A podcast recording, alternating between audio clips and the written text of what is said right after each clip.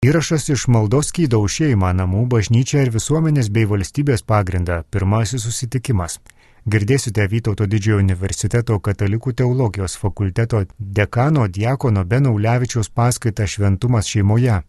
Garbėsiu Kristui, patyriau turbūt vieną iš linksmiausių porą savaičių savo santokinėme gyvenime, kai mano žmona išgirdo, kokią temą kalbėsiu šventumą santokoje ir maždaug, aišku, labai greitai tai virto į šventą santokoje, šventą santokoje, nes aš jau šventas santokoje, žmon dabar matai, aš esu šventumo ekspertas santokoje ir tikrai pakerta kojas. E, be galo nedrasu, net nežinau, kaip sutikau apie tai pasakot, bet gal, gal turbūt geriau reikėtų suprasti, kad lygos, kuriomis patys sergame, apie jas galim ir su kitais pasidalinti, nes tas šventumas santokoje visą laiką yra mūsų horizonte kaip kelionės tikslas. Bet tokia nuostabi diena ir e, šventai Juozapą šiandien švenčiame, minime, katalikų pasaulis džiaugiasi, kad gali ir mėsainį suvalgyti šiandien, nebūtinas susilaikimas nuo mėsos patiekalų.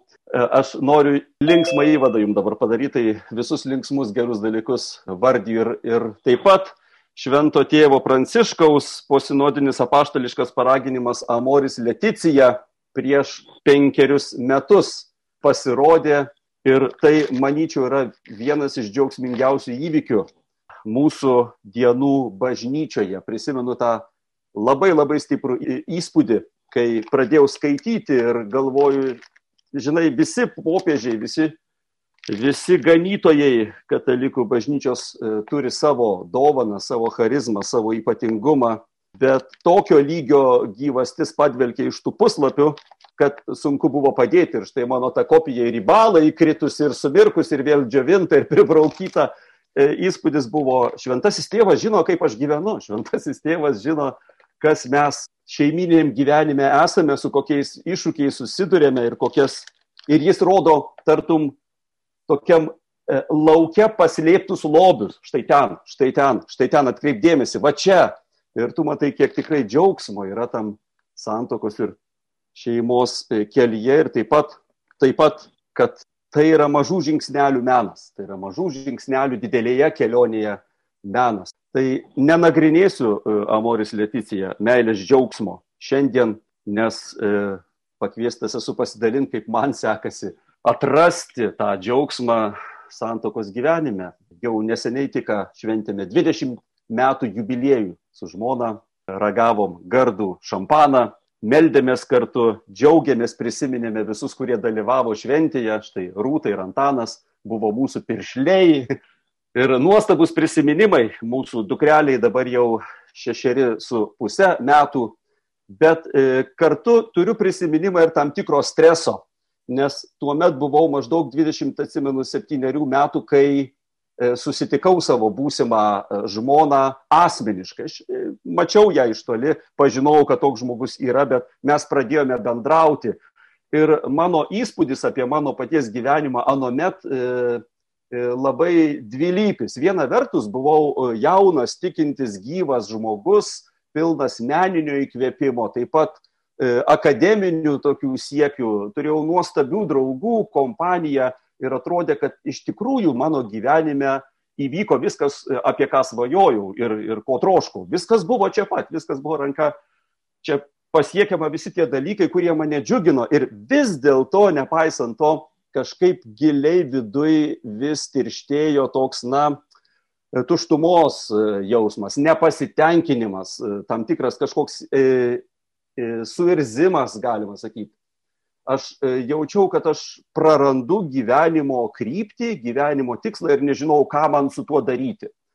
Pats labai banalu, kadangi daug laiko praėjo, tai dalinuosi drąsiai, nors šiaip tai būtų buvę gėda dar anuomet apie tai kalbėti, jaučiausi nesutvertas santokai, jaučiausi, kad man e, to meninio gyvenimo ir to dvasinio gyvenimo apstumo užtenka ir tikrai su manim niekas neištvertų, na, visi tie tokie banalūs pasiteisinimai. Ir štai susidraugavau su ta savo būsima žmona pradžioje kaip su drauge, tapome labai geri draugai ir prisimenu tą keistą akimirką po poros metų, kai gurkšnojome kavą vienoje kavinėje kartu, kalbėjomės apie įvairiausius dalykus ir man pakirto kojas. nes ji kalba ir aš suprantu, tai ji. Mane išpylė prakaitas, aš prisimenu raustu, balu, puikiai tą jaučiau ir, ir susivėlė liežuvis, negalėjau nei žodžių ištarti. E, mane apėmė siaubas.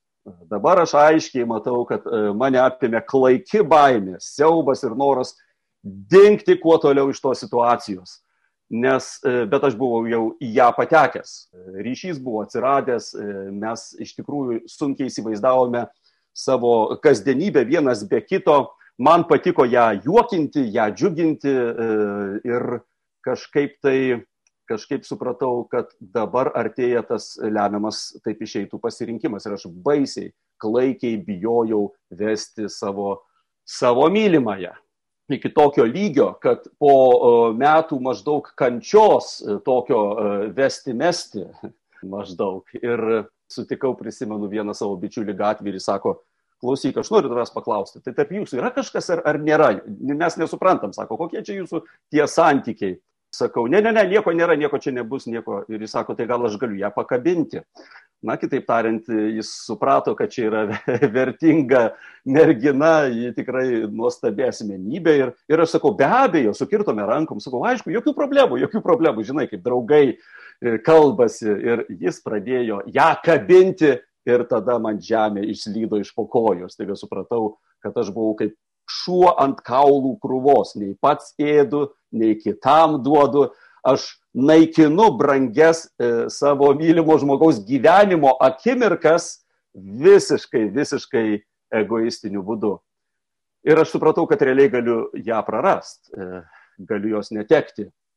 Ir e, tada labai greitai dariau tą sprendimą. Pilnas baimės. Viena vertus jausdamasis, kad kaip lapės pastuose geriau nugraužti koją ir pabėgti be kojos. Ir kita vertus suprasdamas, kad nėra kito pasirinkimo. Nes jei tai padarysiu, aš padarysiu baisiausią klaidą savo gyvenime. Ir mes susitokėme greitai. Anome dar nevykdavo tie pasirengimo sužadėtiniam tokie intensyvūs kursai ir aš įbėgau į jos darbovietę, prisimenu ir brangioji, sakau, o ji man sakydavo, sakydavo, žinai, dalę, e, žinok, e, aš sugadinsiu tau gyvenimą, tu vertės ne kito, na visi šitie tokie gėdingi, kreivi atsikalbinėjimai. Ir ji man sakydavo, brangusis, e, žinok, aš jau žinau, ką aš pasirinkau, dabar tu tik apsispręs. Taigi aš įbėgau į jos ofisą, priklaupiau ant vieno kelio, sakiau, dalę tuokėmės, bet jeigu galima, dabar pat bėgame į bažnyčią, nes žinai, aš paskui vėl galiu tinkti. Ir ji turėjo tiek nuolankumo, e, e, kad e, iš tikrųjų mūsų santykiai buvo labai šilti. Ir, ir mes nuėjome tą bažnyčią ir už penkių minučių klebonas rašė mūsų vardus santokos knygoje ir tada aš staiga pasijutau beveik negyvas. Ką aš padariau? Ką aš padariau? Bet tas baisus šaltis tas baisus šaltis truko kelias dienas ir po savaitės įvyko mūsų vestuvės ir niekada, niekada ta baimė, ta, tas paralyžius e, daugiau nesugrįžo ir nuo to laiko aš net pasidariau svarbią išvadą apie savo gyvenimą. Ne visuomet geriausi dalykai mano gyvenime yra tie, e, į kuriuos mane lengvai traukia. Kartais patys geriausi dalykai yra toj srity, į kurią man baisiausiai įžengti ir panašiai vėliau vyko su pašaukimu į diakonatą, bet tą stilių aš buvau jau atpažinęs. E, ir kažkas panašaus, panašaus tipo baimė atėjo į mano širdį, tai buvo baimė ištarti vieną kartą taip kažkam sudeginus tiltus ir nepasilikti galimybė sugrįžti atgal. Bet ar ne tai yra gimimo apibrėžimas? Gimimas reiškia, kad tu gimsti ir nėra kelio atgal, tu negali sugrįžti. Jeigu nori virsti gyvesnę būtybę, tenka tarti taip ir padaryti tai priesaikos būdu. Dabar matau, kad iki tol visas mano gyvenimas su nuostabiais ir bičiuliais ir veiklom ir dvasingumu ir, ir menu vis dėlto tai buvo daugiau manęs paties, daugiau manęs paties. Aš gyvenau su savimi pačiu padaugintu. Ir man buvo labai lengva pasitraukti, jeigu kažkokie interesai įsiskiria ir aš galiu trauktis iš žmonių grupės be didelių praradimų, nes aš nieko nesu jiems pažadėjęs ir toliau tęsiu savo kelionę pats su savimi. Ir kuo toliau, tuo labiau tas įgūdis didėja. Aš melžiuosi maldas, kurios man malonios, aš skaitau knygas, kurios man patinka, aš mastau mintis, kurios sutarė su manimi ir aš pradedu vis labiau cirkuliuoti iš savęs į save. Ir toks gyvenimas neišlūkšteno žmogaus toks gyvenimas neišcentruoja žmogaus. Ir tiesą sakant, mes katalikai tikime, kad būtent toks stovis, jeigu tu jį, šitą tendenciją, šitą kryptį iš savęs į save su savim dėl savęs, tu ją pratesi šviesmečius, mes atsidurėm tokioj situacijai, tokiam stovi, kurį vadiname pragaru. Tai yra tokia izolacija, toks susklendimas žmogaus, į kurį iš šalies negali niekas ateiti, joks meilės žodis, jokia išorinė įtaka. Ir e, man atrodo, labai paprastai galima sakyti, kad mūsų gyvenime vis dėlto taip išeitų, pagrindinis sprendimas yra uh, suvokti, savo įvardinti, kas yra mano pagrindinė gyvenimo užduotis. Arba pavyzdžiui, žodis yra toks pareiga, jis labai labai prasmingas. E, štai jeigu mes susirinkomės, e, turim sueigą, čia yra sueiga, jei kažkas išeina, yra išeiga. E, ir kai tu turi kur pareiti, kai tu nusprendi išvysti tą krantą, į kurį tavo gyvenimas turi tave atvesti, tu turi pareigą. Ir iki tos santokos, tiesą sakant, jausmas buvo tartum sėdėčiau valtyje didžiuliame vandenyne. Ir tai yra įrodymas, kad nepatenkina žmogaus e, galimybė pavalgyti, pasidžiaugti kažkokiais daiktais, pratesti savo gyvenimą dar keliom dienom arba mėnesiais arba metais. Nes e, maždaug aš turiu laisvę, aš galiu judėti kurią noriu pusę, bet kur aš be ir kluočiau, kur aš be judėčiau, e, aš patenku tiesą sakant, niekur. Jeigu nesimato nei vienoj pusėje kranto, yra daugiau to paties, yra daugiau to paties vandens ir greitai supranti, kad nėra prasmės judėti jokia kryptim. Tu lygiai taip pat gali sėdėti vietoj, suktis ratu. Ir tik tada, kai tau nušventa, kas yra tavo gyvenimo krantas, įgauna prasme ir džiaugsmai, ir skausmai, ir tampa netaip jau svarbu, ar tau skauda, ar diskomfortas, ar komfortas, ar perteklius, ar nepriteklius, yra prasmė žengti dar vieną žingsnį į priekį. Tai mes visi sprendžiame maždaug, kas yra mano brandos užduotis, į kokią būtybę aš turiu pavirsti, koks yra uždavinys mano gyvenime. Mūsų moksleiviai gauna brandos atestatą ir tas toks įdomus dokumentas sako, kad tas jaunas žmogus, 18 metų, 18 metais, yra brandus. Ir ką mes įrašome į tą brandos sąrašą, ar tai yra gebėjimas suskaičiuoti gerai, ar skaityti tekstą. Jeigu e, lyginame vaisius, tai mes žinome vaisių, ar jis brandus ar ne iš to, kokios savybės pasipila, kai tu tą vaisių prakandi. Ten turi būti sultingumas, tam tikras skonis, spalva turbūt ar ne tam tikra kas turėtų pasirodyti prakandų žmogų. Ribinės gyvenimo situacijos iš, išmėginamos, e, smūgiuoja ir tada pasipila iš mūsų tam tikros savybės. Kokių savybių mes e, tikimės? E, kokios savybės parodytų, kad tame žmoguje žmogiškumas, žmogystė yra labiau subrendę nei manyje, pavyzdžiui, nei kitame. Kitaip tariant, į kokias konkrečias savybės aš turiu orientuoti savo gyvenimą. Ir čia e, mes e, katalikai sakome, kad tų savybių šaltinis yra Dievas. Yra visa tikrovę laikanti, mylinti Dievo širdis, Dievo esybė, Dievo būtis. Ir Dievas yra meilė. Tai skamba be galo turbūt banaliai, nes tai taip nuvalkiotas žodis. Ir dažniausiai mes nuvalkiojam tuos žodžius, kurie mus erzina kaip siekėmybė, bet mes niekada taip gyvenime ir negalim įvykdyti, pasiekti to, ką, ką čia skaitom, ką matom ir tada mes kartojam, kartojam, kartojam, tos savokos nusivalkia. Ir taip, Dievas yra meilė. Ir ką reiškia ta meilė? Meilė reiškia iš tikrųjų, kad e, asmuo yra atviras. Savaime suprantama, Dievas tuomet yra asmuo, nes mylėti reiškia būti atviram kito meilį ir kito meilę priimti. Būti atviram kitam ir jį mylėti, net jeigu jis tavęs e, nemyli. Mes dar turime tokį žodį sandora. Tas sandora be galo svarbus pamatinis žodis e, krikščionybėje. Sandėris yra, kai mes keičiamės daiktais. Ir keistis daiktais moka visi kūriniai. Iš tikrųjų, augalai keičia. Yra tam tikra kaita mineralinių kažkokių savybių, oras, vanduo, ne patys mineralai kažką aproprijuoja, kažką atiduoda, gyvūnai moka keistis e, daiktais, bet e, sandora yra ne šitie daiktai tavo, šitie daiktai mano, bet kai aš sakau, aš esu tavo ir, ir tu esi mano. Sandora yra gebėjimas gyventi ne vien savyje, bet kitame, iš dalies ir kitame asmenyje, ir kito asmen, asmens gyvenimą nešti savo širdimi tartum savo. Ir tai yra santuokinė užduotis Taip bendrai didelį, didelį paveikslą pamačius mes matom, kad visos mūsų žmogaus vardo vertos užduotis yra santuokinės. Nepaisant to, ar tu gyveni konkrečioje santokoje, ar tu gyveni, pavyzdžiui, pašvesto gyvenimo e, situacijoje ir kurioje nors kitoje, bet, bet užduotis yra gebėti e, išsilūkštenti ir tapti, e, gebėti e, pasiduoti tikrovės nenuspėjamumui ir ne, e, nekontroliuojamumui, jeigu taip galima pasakyti. Aš tai duosiu labai konkrečių pavyzdžių. Štai pavyzdžiui, jeigu užduotumėm tokį klausimą. Štai, na, va dabar Benai, tu kalbė apie tikėjimą.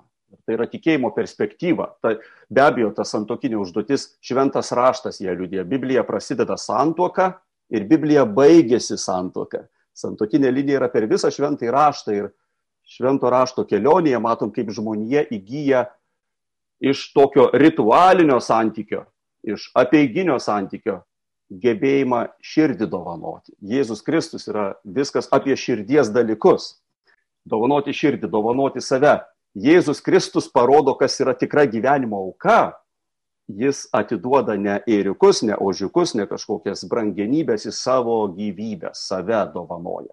Ir mes, katalikai, tikime, kad visi, visi iki vieno esame kaip tokie panašus į Kristų kunigai. Kartais e, neteisingai suvokiame kunigystę, sakome, na, yra tokia bendroji pasauliečių kunigystė ir ta tarnaujanti kunigystė. Tai va tie tarnaujantis kunigai, jie pašventinti, va čia tai bent. Nu, o ta pasauliečių kunigystė, taip savo gyvenimą aukot kaip yra auka. Na, poetika kažkokia, pamanyk, bet iš tikrųjų tai yra pagrindinė auka. Tarnaujantis kunigai viską daro, kad pagelbėtų pasauliečiams padaryti esminę pačią vertingiausią auką, savo gyvenimo auką. Nes kas yra vertingiausia auka, pasižiūrėkime, ką Jėzus paukojo. Jis aukojo savo gyvybę. Jis iš meilės atidavė save net savo būdeliams.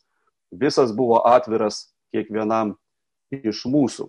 Tai jeigu mes neturėtumėm šitos tikėjimo perspektyvos, ar galėtumėm kažkaip tai vien stebėdami faktus pasakyti, mes matom šitoj visatai būtent šitą užduotį, kad žmogus pašauktas tarp asmeniniam santykiui.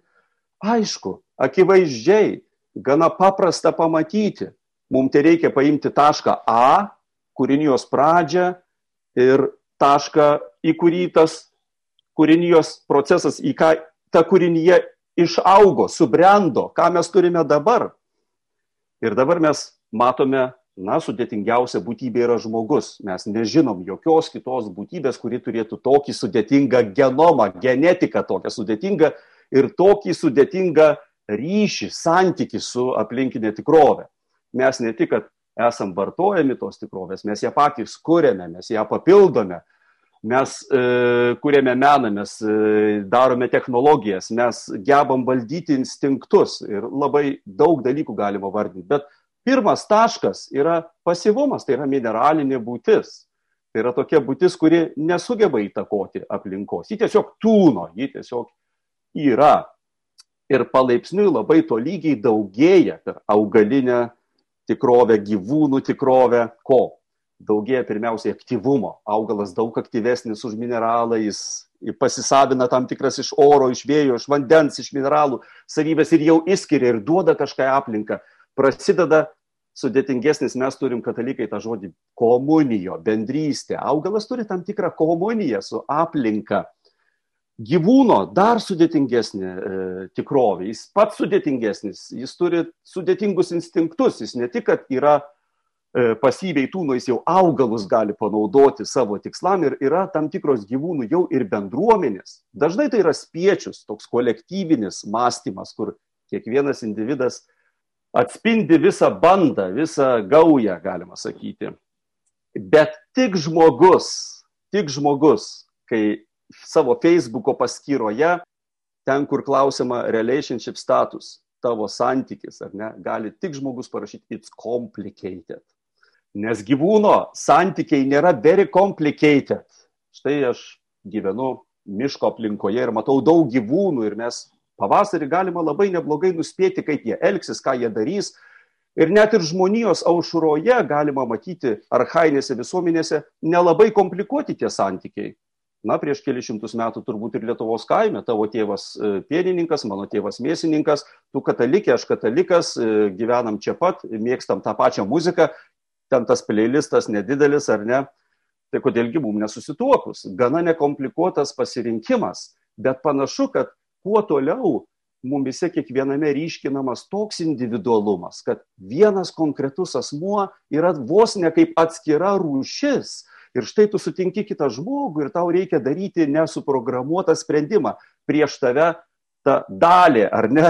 Ir jos muzikos sąrašas kitoks, vienas gimęs kaime, kitas mieste, intravertai, ekstravertai, man patinka tai, man patinka anas, aš katalikė, tu tenai dar kažkas. Ir prieš tave yra visiškai nesuvaldoma situacija.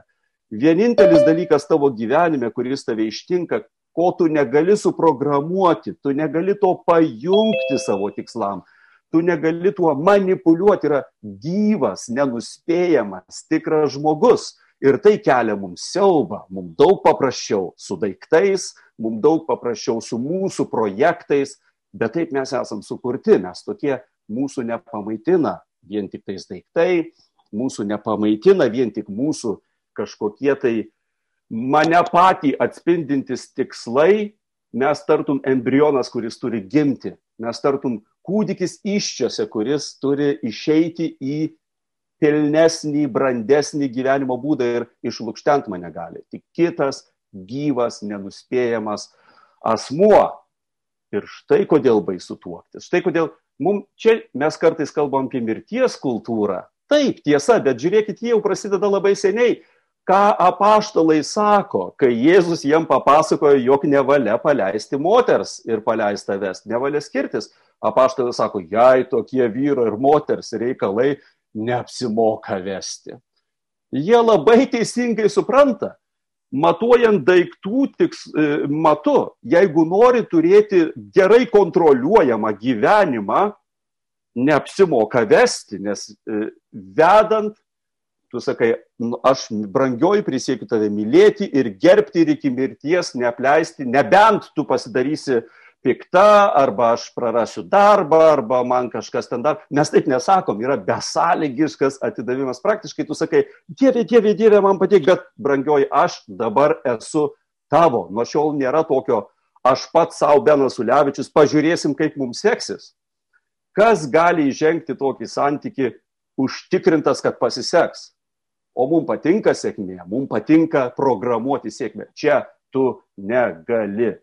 Čia tu įžengi gryną Dievo gailestingumą ir kitos mens gailestingumą, pasigailėjimą ir sakai, Dieve man padėk, Dieve man padėk.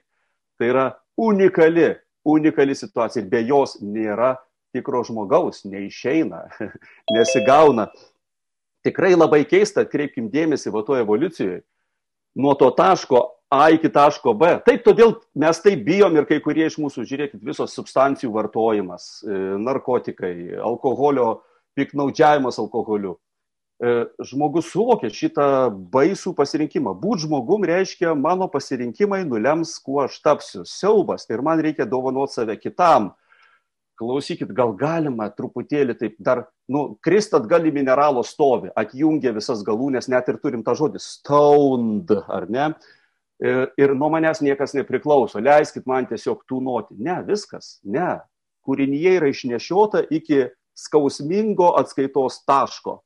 Ir apaštalas Paulius sako, kad visa kūrinyje stebi, kas dabar bus. Atsirado žmogus, iki žmogaus kūrinyje stumiama tartum impulsų cheminių impulsų, instinktų, bet pasiekus žmogų jį pradeda kraipytis ir kūrybingai tas žmogus, tas gyvūnas, nubudęs, intelektualus, laisvas, jis atsigrėžia ir sako, kaip man toliau lipdyti savo gyvenimą. Ir yra keista, kad dar keliom pakopom atgal evoliucijoje gi nereikia tarp asmeninio ryšio. Vėžlė padeda kiaušinius pakrantėje ir nuropoja ir vėžliukui visiškai nereikia, kad jis turėtų bendruomeninį ryšį, santyki, būtų glaudžiamas. Jis iškart yra savystovas, jis iškart gyvena. Su žinduoliais truputį sudėtingiau, bet tik žmogus, kūdikis, gimęs, jis pasmerktas absoliučiai mirčiai, jeigu jo neglaudžia, jeigu jam į veidą kitas veidas nežiūri, jeigu jo nesirūpina, po metų jis yra absoliučiai pasmerktas pražučiai, jeigu kažkas nepaukoja viso savo gyvenimo, ir nedovanojo to gyvenimo jam. Po trijų metų jis nieko negali. Kodėl šitoj kūrinyje atrodo turėtų evoliucija išnešio tokį galingą žvėrį, kuris drasko, ėda, apsigina ir puikiai vykdo savo tikslus. Ne, mes pajungiami aukštesniam tikslui. Toks įspūdis, kad čia yra Dievo planas, čia yra kažkas sumanyta. Mes tokio sudėtingumo būtybės, kad iš mūsų galima tikėtis, jog sugebėsime save atrasti dovanodami save kitam. Prasideda kultūra, vaikas nekalbinamas. Po penkių metų, pavyzdžiui, vaikai, kurie randami džiunglėse užaugę, tarp gyvūnų yra tokių atvejų. Viskas. Nebuvo kalbama, nebuvo veido prikišto prie veido. Tas vaikas jau nesugeba tapti brandžiu žmogumi, jis negali žmogiškai reaguoti į tikrovę. Jis lieka įstrigęs praeities etapuose. Ir apaštalai sako, neapsimoka tuomet vesti, žiūrint, kas yra tavo krantas, žiūrint, kaip tu apsisprendėjai dėl to, kas yra tavo gyvenimo tikslas. Ar verta gimdyti vaikus? Ar apsimoka turėti vaikus? Aišku, kad ne. Žinot kodėl? Nes vos tik tais gyvenime atsiranda vaikai. Tu galėsi būti tik tais tiek laimingas, kiek pats nelaimingiausias tavo vaikas, tavo laimės ir džiaugsmo matas jau nesi tu pats. Ačiū Dievui, nes pats tai yra iliuzija, tu pats negali savęs prikelti iš numirusių ir savęs pradžiuginti, mus džiugina kas? Tavo matas džiaugsmo tampa kitas žmogus. Ir mes vienintelė būtybė, kuri gebam padauginti savo džiaugsmą milijoną kartų, jeigu kito džiaugsmas tampa lygiai tiek pat man brangus kaip mano paties džiaugsmas. Aš galiu džiaugtis viso pasaulio džiaugsmu ir tėvai tą žino. Vaiko laimė, vaiko džiaugsmas yra nuostabiausias dalykas, ką tu gali patirti. Bet to kaina yra, jeigu tu džiaugiesi su besidžiaugiančiais, tu ir verksi su verkiančiais, nes kai tam tavo vaikui bus e, ištiks skausmas, gyvenimo smūgiai, tu raudosi tartum tave patį traiškytų. Čia yra tokia paslaptis. Ir mes įžengėm į šitą tokią žmogišką brandą, nes jeigu mes ją neįžengiam, liekam tartum viščiukas taip ir neįsirytęs iš kiaušinio, mes liekam įstrigę kažkur tai pakeliai ir mes, dar kartą sakau, mes, kart, mes tą vadiname pragaro stoviu. Jėzus apie pragarą kalbėjo apie tokį maždaug ir, ir liko pakeliai, ir iškrito iš vynmedžio, ir nepateko, pro duris nespėjo, patingėjo, nepajudėjo. Tai mūsų sakramentai rodo šitą gyvenimo tikslą taip pat. Iš esmės mes kai kuriem keistai šalies žiūrint, mes katalikai darom išorinių tokių dalykų, krikštas, vandenį pilam ant žmogaus arba nardinam žmogui vandenį, Euharistiją valgom duoną ir sakom, Dievo šlovė, Dievo šventumas, Dievo gyvastis įžengė į mane per šituos dalykus. Bet sakramentai turi vieną konkretų tikslą, tuos du paskutinius Pradžioj jie tave ruošia, tave treniruoja. Tu apmastai ir tu gauni Kristų, kuris atidavė gyvenimą už tave. Tu jį įleidai į savo visas lasteles, į savo kraujo sistemą, į savo sielą, į savo mintis.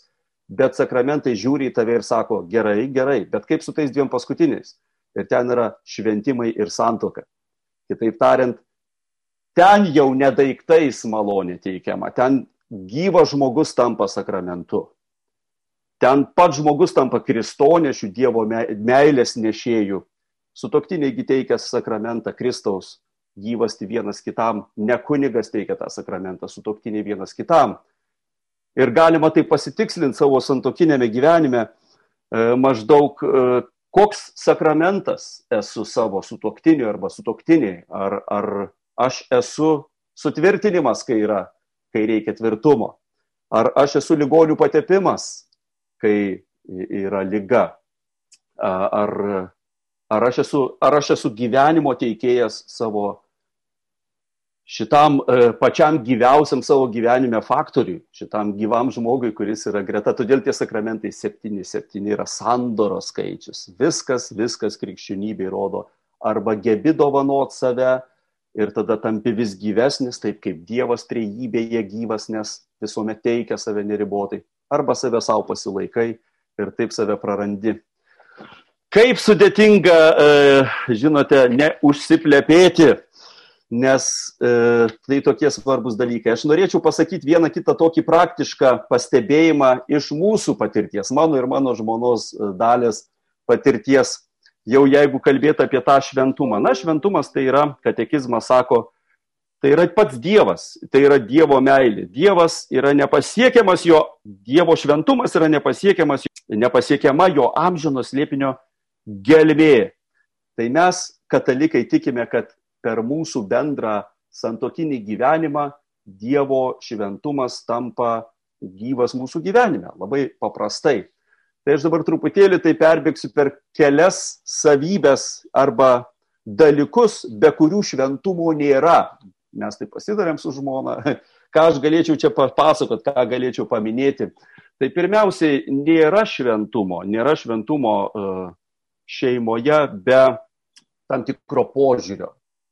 Ir tas požiūris yra būtent tas, kurį e, liturgija e, mumise stimuliuoja, lavina. Mes ne veltui atėję priimti Euharistiją, mes dar valandą laiko praleidžiame darydami keistas apeigas. Kitaip tariant, galima būtų duotų pauksuotą tokį voką, atsiųstų tau namie arba ateitum prie Euharistiją, važiuoji namo. Kam dar tą valandą laiko tokių keistų veiklų? Kokios tos veiklos, tau rodoma nemažai daiktų ir sakoma, sugebėk žvelgti pro daiktus į prasme. Kiekvienas liturginis simbolis, kiekvienas sakramentas yra nedidelis išorinis daiktas, kuriame yra turinys, prasmė. Ir mes tą pajautą išsinešame į savo šeimas, į pasaulį ir mums katalikam be galo svarbu, kad mes žvelgtumėm ne į žmogų kaip į keutą, kaip į mėsinį organizmą, bet pro tą žmogų mes matom jo orumą, pavyzdžiui, jo vertingumą, E, chirurgas perpjovęs e, kūną, jis neranda ten kažkokio žmogiško vertingumo orumo, jo negali apčiuopti. Tai mes žvelgiam į tikrovę kaip į sakramentinę ir panašiai mūsų santokoje. Mums atrodo yra didelis skirtumas. E, štai vyras ir moteris gyvena kartu ir vyras ir moteris gyvena kartu, turi du atvejus. Vienu atveju vyksta bendras gyvenimas, kitu atveju vyksta sakramentinis Kristaus ateimas į šitą pasaulį nes mes savo santokoje žinome, kaip katekizmas sako, per sutoktinių meilę Kristus ateina kaip meilė į jų gyvenimą, per sutoktinių ištikimybę, Kristaus ištikimybę skleidžiasi. Tai yra Dievo unikalus ragavimas. Ir todėl mes taip jautriai vertinam bet kokias pastangas kūną atskirti nuo turinio. Pavyzdžiui, bučinys gali būti tikras meilės teikėjas ir gali būti visiškai pornografinė tikrovė, kur tiesiog organai trinasi, bet tai yra taip toli nuo to, kas Dievo dovanojama žmogui kaip meilės džiaugsmas, tas amori, amoris leticija. Taip pat, jeigu taip, tai vadinasi mūsų santokos yra liturgija, tam tikra liturgija. Ir čia pasirodo, kad mes kalbą naudojam liturgiškai, apeigas darom liturginės savo namuose ir aš nekalbu apie maldų kalbėjimą. Pavyzdžiui, yra tokios liturginės šeimoje frazės, jos be galo svarbios. Kiekvieną rytą pasakyti savo žmonai, pavyzdžiui, aš tave myliu. Arba kaip sekėsi brangusis. Ar ne? Ir tu gali sakyti, o jeigu aš dabar nejaučiu, kad aš myliu, nu vieną kartą pasakiau, kaip kažkas pasikeis, tada jau įspėsiu, ar ne? E, bet juk liturgijoje mes sakome dalykus, kurie yra tiesa ir mes per daug nesukam galvos, pavyzdžiui, aukštin širdis, kelime į viešpatį. Tu nepradedi galvoti, o dabar aš keliu, ar nekeliu, ar nelabai keliu, ar aš apie darbą ten galvoju. Gal šį kartą nesakysiu, nes šį kartą jaučiuosi taip vidutiniškai. Ne, visada keliame į viešpatį, tu atsakai entuziastingai tiek, kiek išeina. Liturginis šūkis, kuris tave ugdo į tą tikrovę. Ne veltui tu esi liturgijoje. Kiekvieną rytą pagrindinis, žinot, sekmadienį veiksmas liturginis yra atvilkti savo vargšą kūną į, bažnyčios erdvę ir pasodinti suolą arba pastatyti šlovinimo eilę kažkur. Tai nes tingisi iš ryto, keltisgi reikia važiuoti. Ir tu kartą ten jau atsidūręs, tu visų savo kūnų, visą savo būtim, tu rodai štai, kur aš esu, kas aš noriu būti, Dieve, aš silpnas, pagelbėk man, bet aš esu čia savo pasirinkimu, ačiū, kad mane kvieti ir mūsų santokos dažnai yra taip. Ne visuomet jos pagrystos impulsais, euforija, kažkokia nuostabia chemija, kuri iš ryto pamačius žmoną arba vyrą, brangusis, kaip aš tave myliu, kitą kartą tu nejausi nieko, bet tu sakysi liturginį, nuostabų teiginį, kuriame yra tiesa. Aš myliu tave, brangioji, aš esu tavo. Taip pat yra apėgos, kurios e, šeimoje yra būtinos. Štai e, pavyzdžiui, liturgijoje mes, galima sakyti, turim daug neproduktyvaus laiko. Juk mes sėdėdami solė negalvojom, galėjau, galėjau sutvarkyti verslo dar tris reikalus e, per tą laiką, kai čia esu klausydamasis Dievo žodžio, arba tiesiog va Dieve tavo akivaizdoje. Adoracija yra tas labiausiai verslo požiūriu atrodo neproduktyvus laikas. Tai yra wasting your time, tai yra laiko švaistimas, nes tu nieko nenuveikiai, nenulipdėjai, nieko nesuprogramavai, nieko tu sėdi Dievo akivaizdoje. Ir santoka yra gyvybiškai būtina šitas laikas, mums su žmona visada yra kova, nes vakare norisi filmą pažiūrėti. Ir nuostabu yra pasižiūrėti filmą, bet kartais mes sustabdom visus procesus ir aš žinau, kad bent kartą savaitį, bent pusvalandį Mes tą vadinam vakarienė prie žvakių, kartais nebūna jokių žvakių ir jokios vakarienės, kartais yra tik arbatos podelis. Ir kartais nėra apie ką kalbėti, bet tiesiog padėjus visus įrenginius, brangioji, aš esu tavo. Virš visų kitų dalykų aš noriu dabar save atnešęs tau, žinot, kad aš esu, kaip amerikiečiai sako, available, aš prieinamas, aš esu tavo, aš esu su tavim, aš esu čia. Gali būti tylus e, deklaravimas, priminimas savo E, kas, e, kas mes esame. Ir tai yra liturginis veiksmas. E, aš tą pabrėžiu, nes kartais mes pradedam pernelyg naisiotis motyvuose, naisiotis savo intencijose, ar aš noriu, ar nenoriu, ar kaip. Ne, mes turime liturginę pareigą ir santokoje mes turime taip pat liturginę pareigą. Mūsų intimioji gyvenimo sritis, tai yra liturginė pareiga taip pat. Tai yra apėgos. Tai nėra, kad aš pribėgau, čiupau Euharistiją, išbėgau ir man to užtenka įvyko faktas. Ne, yra tam tikra preliudija iki Euharistijos ir mes atsinešam šitą mąstymą į savo santoką. Palietimas, paglostimo veiksmas, kaip ir liturgijoje svarbu, kad akys gautų tikėjimo e, maistą, klausa, lytėjimas, uoslė, e, bučiuojame šventus objektus. Tavo brangioji arba tavo brangusis yra tavo sakramentas kaip mes galim bučiuoti Euharistiją ir paskui nusigręžti nuo to, kuris, kurį Euharistija paruošė būti tavo pačiu svarbiausiu sakramentu gyvenime. Tai kai taip galvoji, iškart vyrai galėtų galvoti, kokį tabernakulį savo žmonai padariau, ar ne. Ar... Gerai, e, galiu perėti ir prie humoro netikėtai, bet norisi rimtai tęsti. E, taip pat nėra e, santokoje šventumo be dėmesingumo, be abejo, nes Štai liturgija mumise irgi tą ugdo dėmesį. Ten yra daug mažų dalykų. Įeini į Petro baziliką yra nuostabus statinys, jis triuškina savo grožių. Ir noras yra tiesiog dairytis ir išsiblaškyti. Žinot, kam visas tas milžiniškas rūmas pastatytas mažam duonos gabalėliui. Nieko nėra brangiau tame visame už tą vieną mažą duonos trupinėlį, kurį mes vadinam Euharistiją ir tai mumise ugdo katalikose, mes turėtumėm būti dėmesio žmonės, su nežmonišku gebėjimu telk dėmesį į tai, kas yra svarbu ir dažnai nesimato. Tai e, matėm neseniai vieną gražų serialą ir ten rodė šeimų situacijas ir viena senyvo amžiaus sutoktinių pora pat, patiria krizę maždaug. Ir yra ir pavojus neištikimybės, jie mėgina e, eiti pas gerą psichoterapeutę ir gauna vieną patarimą. Ir vėliau rodo scenas, kur tu matai, koks tas patarimas buvo. Vyras mėgsta kalbėti, taip kaip aš dabar, ne? Jis aukštas, išvaizdus ir jis užgožė savo moterį, dažnai tiesiog užgožė, tam filme toj situacijai. Ir, ir po tos terapijos, taigi jie kalbasi, moteris pradeda kalbėti ir vyras pradeda iš karto, o tai čia tas, ir, ir jį, jį tai pasižiūri įdėmiai ir jis nutyla, atsitraukia ir sako, I see you, aš matau tave. Taip tariant, jam užduotis yra pasakyti, aš matau tave, nes turbūt jos jai pernelyg dažnai įspūdis, tartum ji nematoma, tartum ji neegzistuoja. E, jis jos grubiai nepastumė į šalį, bet visuomet svarbu e, lyderystė. Bet, bet o kaip su įsiklausimu, kaip aš matau tave, kas tau yra svarbu, ką tu e, mastai ir prisipažinti, mano žmonos dabar kambarį nėra, tai aš galiu uh, prisipažinti, kai mes sėdim tą pusvalandį su ta arbata, man didelė, didelė pagunda yra kartais nutraukti tylą ir pradėti kažką pliurpti. Man patinka pliurpti, man patinka dalintis. Man daug lengviau dalytis, aš ekstravertas, ji intravertė. Bet e, išlaukti ir tiesiog užduoti klausimą, e, tai ką, ką galvoji, kaip sekasi, ar ne. Ir ji pradeda pasakoti apie tai, kas jai yra įdomu. Ir man praėjo daug metų, kol man pradėjo darytis įdomu, kas jai įdomu. Atvirai sakau, į kalbą ir tu kartais galvoji, argi tai problemos, argi čia yra tikrai svarbu. Va, žiūrėk, pasaulis griūva, ten politinės realijos kažkas, argi čia, žinai, lysvė, kurioje ten svogūnai, ar ne? Nu, aš dabar šaržuoju truputį, į tą patį apie mane galėtų papasakoti iš kitos pusės, turbūt, ar ne? Ar kitai svarbu, visi tie daiktai, apie kuriuos vyras pasakoja. Ne?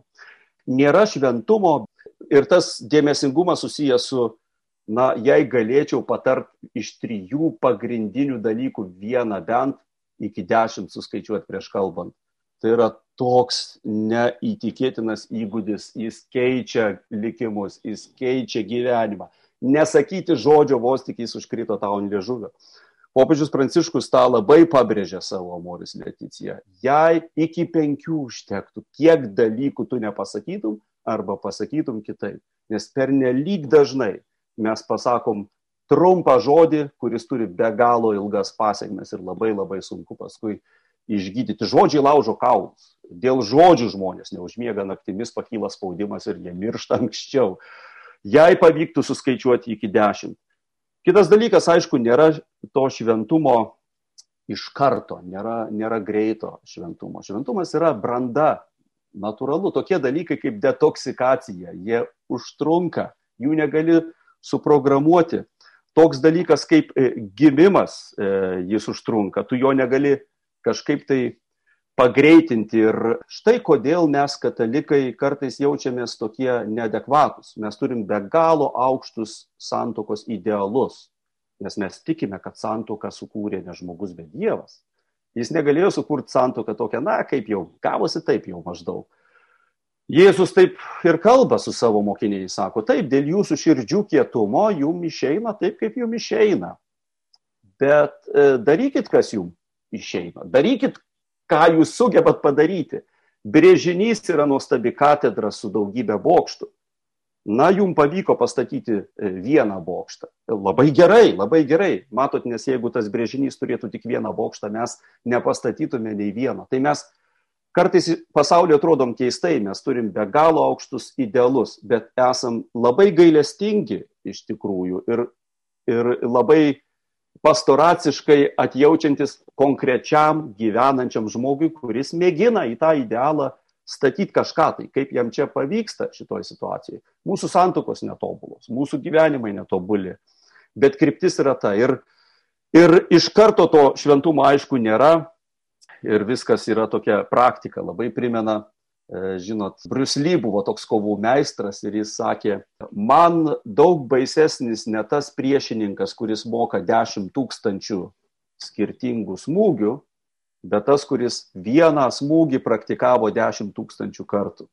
Kitaip tariant, visada su viltimi mano pašaukimas, jis gali pavykti, bet tai yra mažos, nuolatinės, nesiliaujančios praktikos rezultatas. Santokos nėra be krizių popiežius Pranciškus tą labai labai pabrėžė. Tai yra dar vienas mane nustebinęs dalykas, galvoju, kažkaip keistai jis kalba apie krizes. Jis daug dėmesio skiria krizėm santukoje, bet apie jas kalba kaip apie džiaugsmingą dalyką. Vos ne taip, kad maždaug brangioji, pagaliau ir vėl krizė, tai dabar kemšam šampaną, laiką švesti, nes atėjom į tiesos akimirką. Juk, žiūrėkit, tuokėmės tai visi, kaip norėčiau brangioji tave pažinti geriau, labiau pažinti, palauk, koks pažinimas. Kas nuplėšė kaukės? Krizė nuplėšė kaukės. Tai norėjai mane pažinti. Tai va dabar, nes ta krizė yra, kaip sakant, smūgis ateina greičiau, nei tu, nei tu spėjai savo gražų fasadą užsidėti ir pasirodo, kas tu esi. Tai sakai, žinai, geriau e, tikra krize nei apsimestas toks, tu gali labai ilgai taikoji gyventi su kitu žmogumi. Tiesiog nereikia išeiti iš savo kambario ir bus viskas nuostabu. Bet kai išeini iš savo kambario, yra gyva situacija, kaukės nukrenta ir, ir jei sutoktiniai suprastų, branda, fantastika, juk kai vaikas gimsta, tai yra baisiausia patirtis jo gyvenime. Aš manau, tas kūdikis mano, kad jis mirs, jį ten, jį ten spaudžia, jam keičiasi, į plaučius patenka oras, jis rėkia iš siaubo, bet ar kas nors aplink stovėdamas sako, gal nekankinkit vaikelio, tegu lieka viduje, nu dabar taip sunku. Ne, pirmin, tau pavyks, gerai. Tai kiekviena krizė gimdomus e, solidesniam, gyvesniam santykiui. Jei esi kantrus, žinai, skaudės, žinai, rėksi. Kartais reikės, kad gydytojas traukia pliaupstelį per užpakalį, ne, e, kažkaip va taip. Ir mes taip pat žinome apaštalo žodžius, sako, kad Dievas myli, tą jis pabaudžia. Ir neteisingas vertimas, nepabaudžia, jis ugdo, ugdo. Tai čia yra toks gyvenime krizės išaugina mus į, į mūsų santykius brandina. Ir taupydamas laiką, tada dar porą, ko gero, tik dalykų paminėsiu. Ir nėra šventumo didelio, jo nebūna. Nėra tokio didelio šventumo. Yra, yra šventumas nuolat mažas e, čia pat. Nes tas, kas siekia didelio šventumo rytoj, e, dažniausiai lieka tuščiomis rankomis. Yra mažas pastanga maža čia pat dabar, yra dabarties sakramentas. Ir geriausias patarimas e, čia šioje vietoje būtų maždaug mano klausimas neturi būti, kaip turėti nuostabę santoką, bet kaip, kaip, ar aš galėčiau penkias minutės skirti savo dienoje, kad mano žmonai būtų geriau. Ir čia prasideda stebuklai. Maža užduotis, kuri be galo konkreti, ji tau nepakerta kojų, nes per penkias minutės nu nieko tu neprarasi, bet kas tą praktikuoja, kas ką daro, įsivaizduoja, kaip tai yra e, galinga. Nėra šventumo be humoro jausmo. Taip, mano žmona, kai jai kažkas nepavyksta, kartais atsisuka ir sako galiausiai, čia tu kaltas. Ir pradeda žvengti, pradeda juoktis, nes supranta, mes sakom, reikia ir tuoktis tam, kad visada žinotum, kas kaltas dėl visų tavo problemų. Ir gal tada grįšiu prie paskutinio dalyko, e, noriu juo tada pabaigti, nes e, dar kiek daug čia tų dalykų, bet nėra, nėra e, šventumo be, be maldos, be maldos, nes santuoka yra sakramentas, kaip sakant, per ją Dievo gyvastis plūsta į mūsų gyvenimą ir mes ryšį su tais dalykais turim maldoje, bet labai dažnai sutoktiniai e, susituokę vis dar mėgina praktikuoti savo iki santokinės e, maldos praktikas, vienuolinį pamaldumą kai tu ir, ir tai veda į desperaciją. E, ta mama ir tėtis, kurie turi du mažus vaikus ir jie sako, nu gal jau nuo kitos savaitės pavyks tą brevijorių sukalbėti drausmingai iš ryto. Nepavyks, nebus taip, nesigaus, tu neturėsi tos valandos, nusiramink. Mes turim praktikuoti pasauliečiams skirtą pamaldumą ir tai yra kiekvienoj mažoje akimirkai prisiminti Dievą. Tiesiog e, kartoti Jėzaus maldą, dėkoti jam E, mažom maldom, nuolatiniam maldos e, širdies pakėlimu į Dievą, nenusiteikti tom iliuzijom, kad aš e, kiekvieną rytą valandą vienuoliškai gėdosiu liturginės valandas viešpačiui. Nors jeigu tai įmanoma, tai būtų nuostabu, tai būtų fantastika, bet turėti mažus ir pastovius tikslus, kaip sporte panašiai. Geriau kasdieną penkios minutės negu vieną kartą per mėnesį septynias valandas. Tokie dalykai nužudo žmogų, bet penkias minutės kasdieną jos, jos teikia gyvybę. Ir taip toliau ir panašiai, tai, tai ir baigiu tokiu, mane įkvėpė labai ir su, pašiurpino, pašiurpino kai kurie šventųjų pastebėjimai. Šventumas yra nuostabiausia, kas gali tavo gyvenime nutikti, nes tai daro tave tikrų žmogumi, tai išlūkštena tave, išcentruoja ir tu save atrandi naujai, tik tais vienintelis kelias į gyvybę, geriau mirti negu nusidėti. Ir diena be šventumo yra prarasta ir vienintelė tikra tragedija tavo gyvenime e, gali nutikti, tai jeigu netapsi šventas. Ir santoka yra geras, geras įrankis Dievo sukurtas, tave padaryti tikresniu žmogumi. Tai viešpatie Dieve, ačiū tau už e, tokią šiurpą keliančią meilę, viešpatė radikalę. E, Jėzau Kristau, tu esi ryškiausia spalva mano gyvenime, ryškiausias žodis mano gyvenime. Aš tau taip dėkoju, kad tu nenolaidžiauji man, viešpatė, rodai savo aukštai iškeltą meilės vėliavą be pasigailėjimo, bet viešpatė pasigaili manęs šioje konkrečioj gyvenimo akimirkoj. Mano šlubuojantis keliavimas, mano šlubuojanti piligrimystė viešpatė tau pažįstama. Ačiū tau už atleidimą nuodėmę, ačiū tau už tą gailestingumą, ačiū už mano žmoną, už mano dukrą, už mano brolius seseris čia, ačiū už tavo šventąją bažnyčią ir už kiekvieną geros valios žmogų. Garbė Dievui, Tėvui, Sūnui ir Šventai Dvasiai, kaip buvo pradžioje, dabar ir visada ir per amžius. Amen.